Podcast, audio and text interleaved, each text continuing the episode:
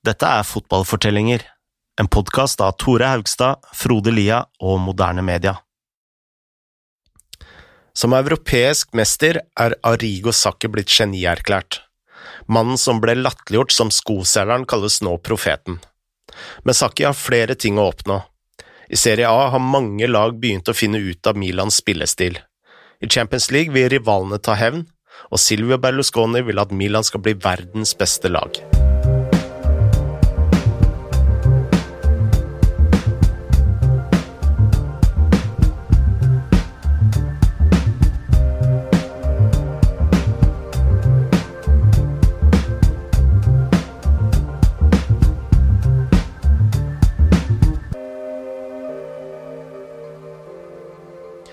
Vi i denne podkasten kjenner jo ikke Silvio Berlusconi personlig, men vi kan vel anta at han var rimelig fornøyd i løpet av sommeren 1989.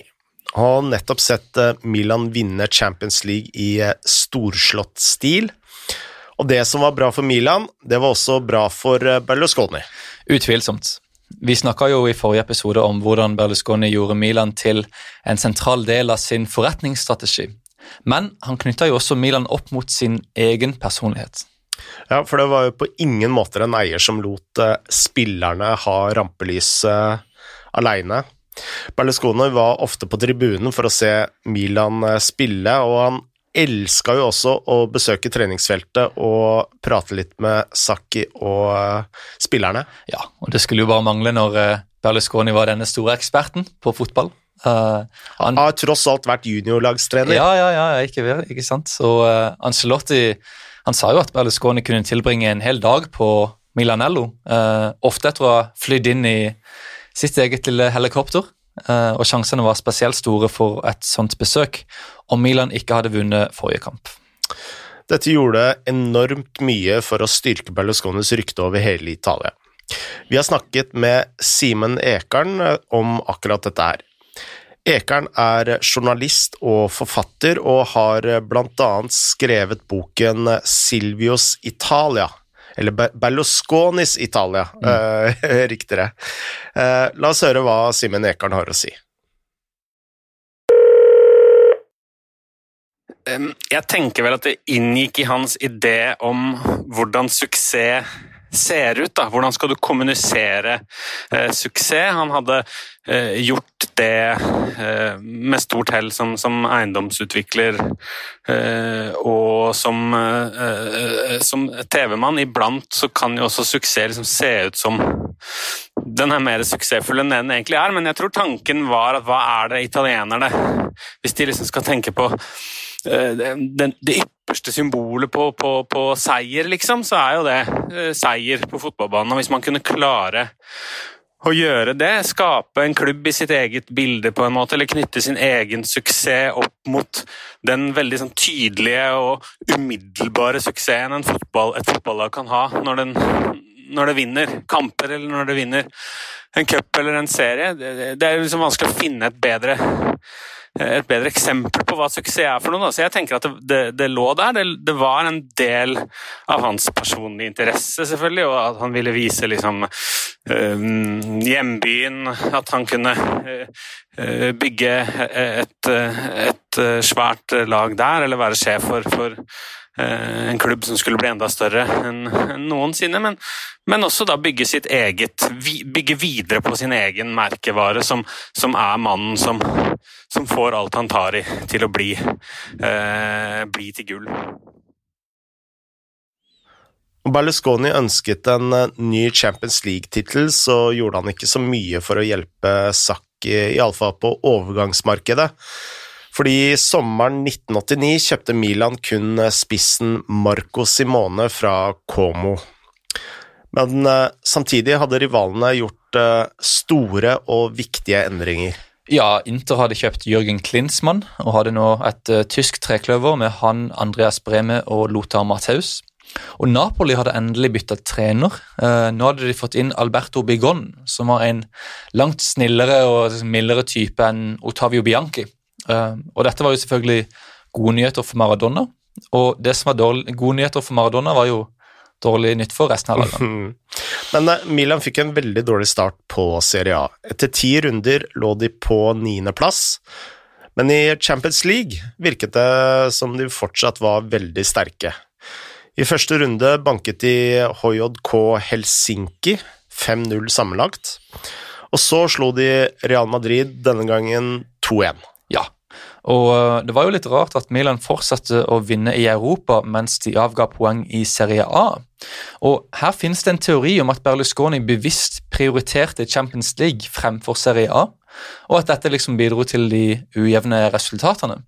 Så vi spurte Gabrielle Marcotti om han trodde at denne teorien var korrekt. I think it's true to a point, um, in the sense that uh, you know, obviously, winning the European Cup is is a bigger deal, right? Um, and it grows your brand around Europe. Um, but equally, you know, I think Berlusconi probably wanted to win everything, like like everybody else. I just think they realized that winning Serie A was actually probably going to be more difficult, um, and that you know, once you reach the quarterfinal of, of, a league, you know, you kind of have to, or sorry, quarter quarterfinal of the European Cup, you kind of have to go all in. You owe it to yourself, you know, rather than than going trying to win the league. Which also remember, he won the league in 87, 88. So after that, you know, you wanted to go further. Champions League var et steg videre fra Serie A. Men det aller gjeveste var å bli verdensmester. Og det var jo dette Berlusconi sa fra dag én. Jeg skal gjøre Milan til verdens beste lag. Riktig. Det var et, eh, et løfte, kan man si. Og i desember hadde Milan sjansen til å klare nettopp dette. De skulle spille Interkontinentalcupen, som var forgjengeren til VM for klubblag. Um, den besto kun av én kamp mot vinneren av Copa Libertadores, altså Sør-Amerikas Champions League. Uh, og Det året ble den kampen spilt i Tokyo. Motstanderne var eh, colombianske Atletico Nacional. Dette var jo laget til eh, Pablo Escobar med profiler som eh, René Higueta og Andres Escobar i starteleveren. Ja, og dette laget må jo ha vært rimelig bra. Foran 60 000 tilskuere holdt i Milan til 0-0 til full tid. Kampen gikk til ekstraomganger, og det så ut til at det ville bli straffekonk. Jeg tipper at Saki allerede jobba med å sette opp straffeskytterne. Men to, to, minutter før slutt så tok Alberico Evani et frispark like utenfor boksen. Batte Evani, attenzione, gol! Ha segnato Chicco Evani ancora una volta, è lui che risolve la partita. Evani che aveva regalato la Supercoppa Milan contro il Barcellona sta regalando. Milan vant 1-0, og da fløyta gikk, løp Galliani ut på gresset med henda i været, og Sakki med et gigantisk smil bak et par gigantiske solbriller. Og Berlusconi hadde holdt løftet sitt om å bygge verdens beste fotballag. Ja, og den seieren gjorde et eller annet med Milan. Nå var det jo pause i Champions frem til mars, så de kunne konsentrere seg om Serie A. Og Der vant de elleve av de neste tolv kampene. I tillegg nådde de finalen i den italienske cupen. Milan var altså på vei mot en mulig trippel. Og på det tidspunktet hadde kun tre lag klart det før dem, nemlig Celtic i 67, Ajax i 72 og PSV Eindhoven i 1988. Å klare noe slikt i en så tøff liga som Serie A skulle man nesten tro var umulig. Ja, på den tida. Og noen av grunnen til at Milan kunne oppnå dette, var jo lagets beste spiller, Marco van Basten. Han passa på en måte ikke helt inn i Milano på den tida. Altså, skulle ikke, og gutta var på byen, så satt liksom han hjemme med kona og spilte backman og hørte på George Michael og, og sånne ting. Det høres jo bare veldig koselig ut. Men på banen så var han jo helt ustoppelig, og han var så elegant med ballen at han fikk kallenavnet Svanen fra Utrecht. Mange av de som spilte med ham, bl.a. Paolo Maldini, har sagt at han var den aller beste spilleren de noen gang hadde sett. Galliani sammenlignet van Basten med Leonardo da Vinci, fordi han både var ingeniør og artist. Da vi snakka med Marcotti, sa han at van Basten godt mulig var tidenes beste rene spiss, altså om vi tar bort Cristiano og Messi. Og det er jo litt av en eh, påstand, så eh, vi ba Gabrielle om å forklare hvorfor han syns dette. what struck you about Van Basten is, I mean, he was a phenomenal athlete. Um, I mean, he, he was tall. He was he was really strong, and and he was very quick. Um, and he had this ability to anticipate where the ball was going to go, which a lot of big goal scorers have. But he also had a technical ability and a, and a touch on the ball, which which was incredible those those seasons that he had, sort of 88, 89, 89, 90, for me, Van Basten was was was pretty much was pretty much untouchable. Um, you know, and I think if we're talking about pure center forwards and what they could do, I don't know. I, I struggle to think of at least the, people I watched who were on the same level. You know, I, I love Batistuta, but you know, there's no there's no argument that Van Basten was a more skillful, well, was a more skillful player. There's another thing that we often forget. Um, players before 1996, because of the limits on foreigners, because of the you know football was less polarized and top heavy uh, than it is today. You know, if you watch games back then, a top team against a mid-table team was generally always a lot more balanced than it is today. So if you look at, at Ronaldo or Lewandowski or, or whoever you want today, you know, they're playing on teams where, you know, number 20 in their squad will often be better than the best player on the other team. Right? There's such a concentration of talent on the top teams. Um, well, Boston obviously played for a great team, but he never enjoyed that concentration of talent to the same degree. Du nevnte at eh, van Basten ble kalt eh, Svanen fra Utrecht. Og for meg forteller det kallenavnet at han eh, var en elegant, snill og uskyldig artist. Ja. Men Serie A på den tiden var jo stappfull av stoppere og ballvinnere som sparka ned alt som gikk på to bein, nær sagt. Og van Basten eh, kunne jo ikke overlevd om han eh, bare var eh, snill gutt. Nei, han kunne ikke det. Um, og vi fikk faktisk høre en historie fra Sheridan Bird her om hvordan van Basten klarte å komme seg unna sine motstandere.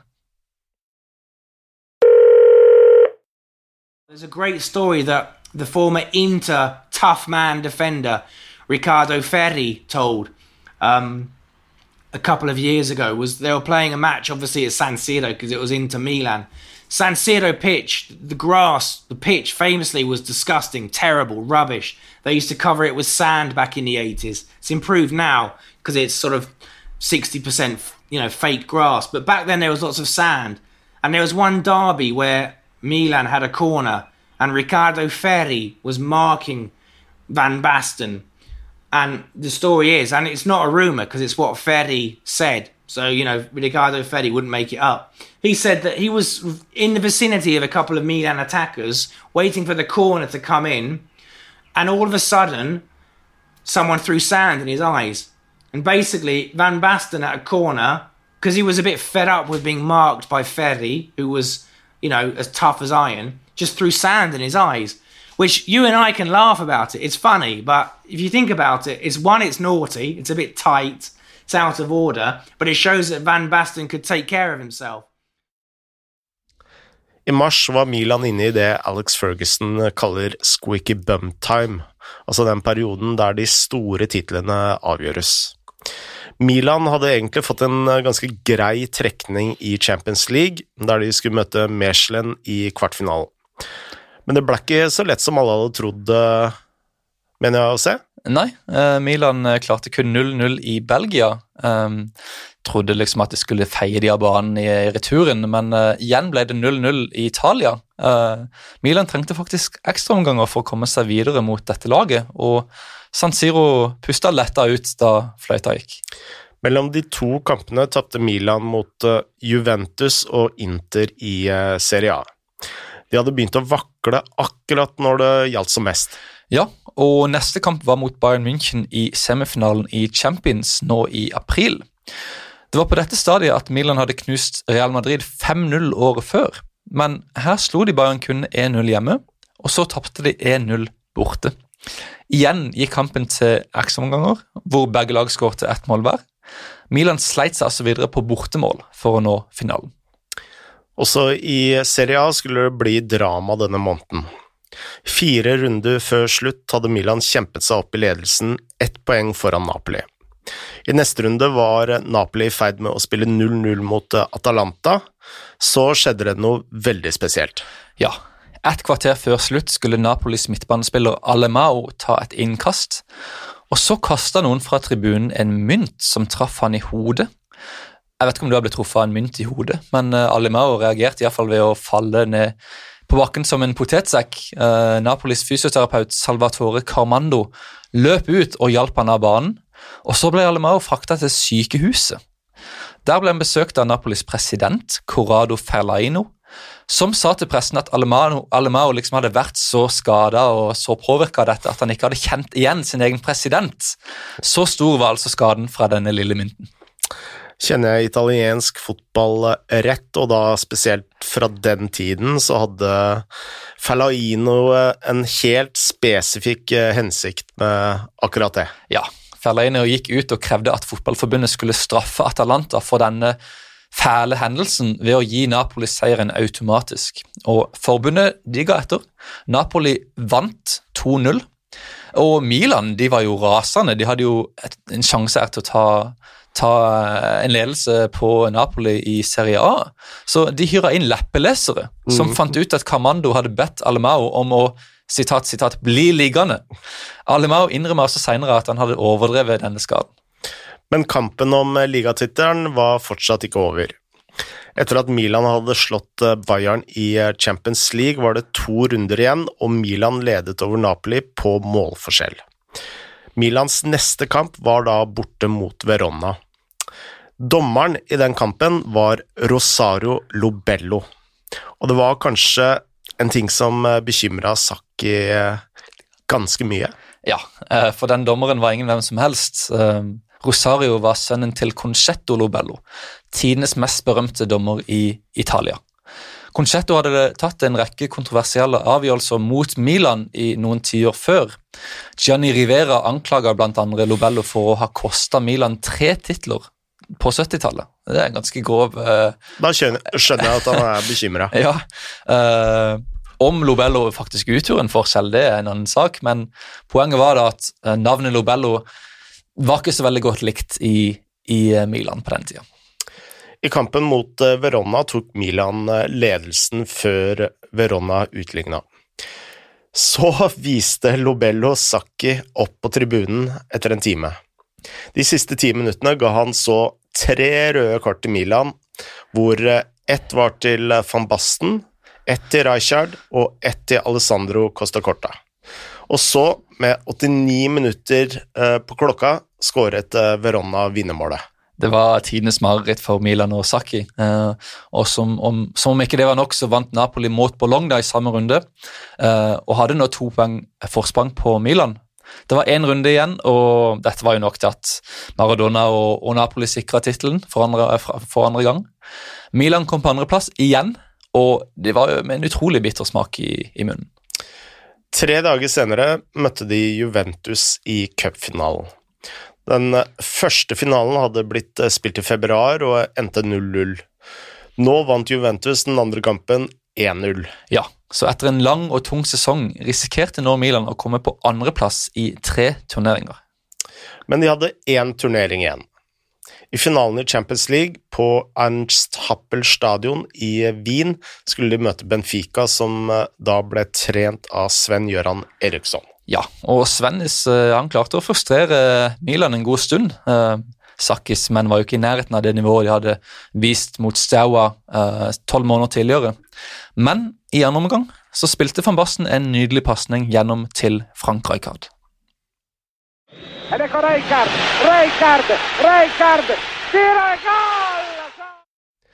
Milan vant 1-0 og var europamestere for andre år på rad.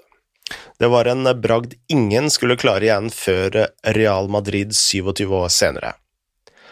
Da tror jeg Berlusconi og Galliani fortjente en liten fest. Ja. Men gjorde- Saki, ja, han ville ikke feire. Han tok seg ikke noe fest, nei. Han var fortsatt veldig veldig sur og bitter på det som hadde skjedd med eh, Napoli og Alemao, og for ikke å snakke om Verona og disse røde kortene. Um, så han, altså, han kalte jo Napoli-kampen en skandale og en farse og følte seg rana, rett og slett. Så, og finalen mot Benfica det så ikke ut til å være noe plaster på såret. Eh, Saki dro rett hjem etter det. Han var trøtt, han var stressa. Faktisk så hadde han lyst til å si opp jobben. Berlusconi klarte å overbevise Saki til å bli et år til. Men nå var Saki veldig sliten. Ja, altså dette var jo en fyr som ropte ut taktiske instrukser i søvne. Uh, han skreik hele tida på spillerne på treningsfeltet, og sikkert ellers også. Uh, en dag ble Saki så hes at han dukka opp på treningsfeltet med en megafon for å liksom skrike ut at Maldino måtte ligge 20 cm mer til venstre. Og nå var Saki på felgen. Han bekymra seg hele tida over laguttak og motstandere. Han sleit med å sove, og han skrev at det føltes som om han hadde trent Milan i ti år, og ikke tre. Heller ikke den sommeren gjorde Milan eh, noen store endringer i eh, stallen. I første runde i Champions eh, slo de så vidt Klubb Brugge, og desember vant de interkontinentalcupen for andre gang mot Olympia fra Paraguay. Men Sakki Saki han hadde fortsatt ikke lyst til å fortsette. Nei. Det, er jo spesielt. altså Her har du et Milan som akkurat har blitt verdensmester for andre år på rad, og Sakki er bare eh, Få det vekk, jeg er lei av det her. sant? Og Det sier litt om hvor hardt han hadde jobba. Og da var det jo også naturlig at spillerne var slitne. Det var de som hadde løpt og, og utført alle disse instruksene. Rijkaard sleit med å holde seg våken når uh, Saki hadde sine taktiske møter. Baresi sa at hver av de kampene de hadde spilt i Champions League sesongen før, som var så jevne og som alltid gikk seksomganger, hadde kosta de fem år av livet. Disse spillerne hadde vært igjennom veldig mye. La oss høre fra Sheridan Bird om hvordan det var å spille for Saki. Saki demanded a lot. He was very, very demanding. He really did ask for a lot. He, they say he didn't relax. You know the cliche about sleep, drink, eat football. Well, I think he was like that. Definitely, he thought about football all the time. I think that's why Berlusconi loved him because he thought about football all the time. It was his passion. It was his job. But that can be demanding, and perhaps for some of the players, some of the guys in their sort of mid to late twenties, that wasn't necessarily what they wanted to do.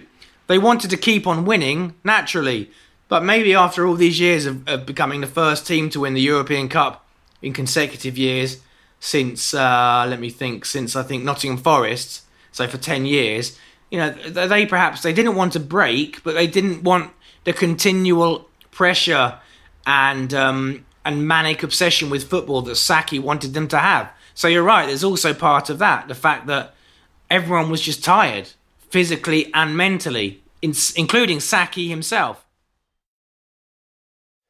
I mars skulle Milan møte Marseille i kvartfinalen i Champions League.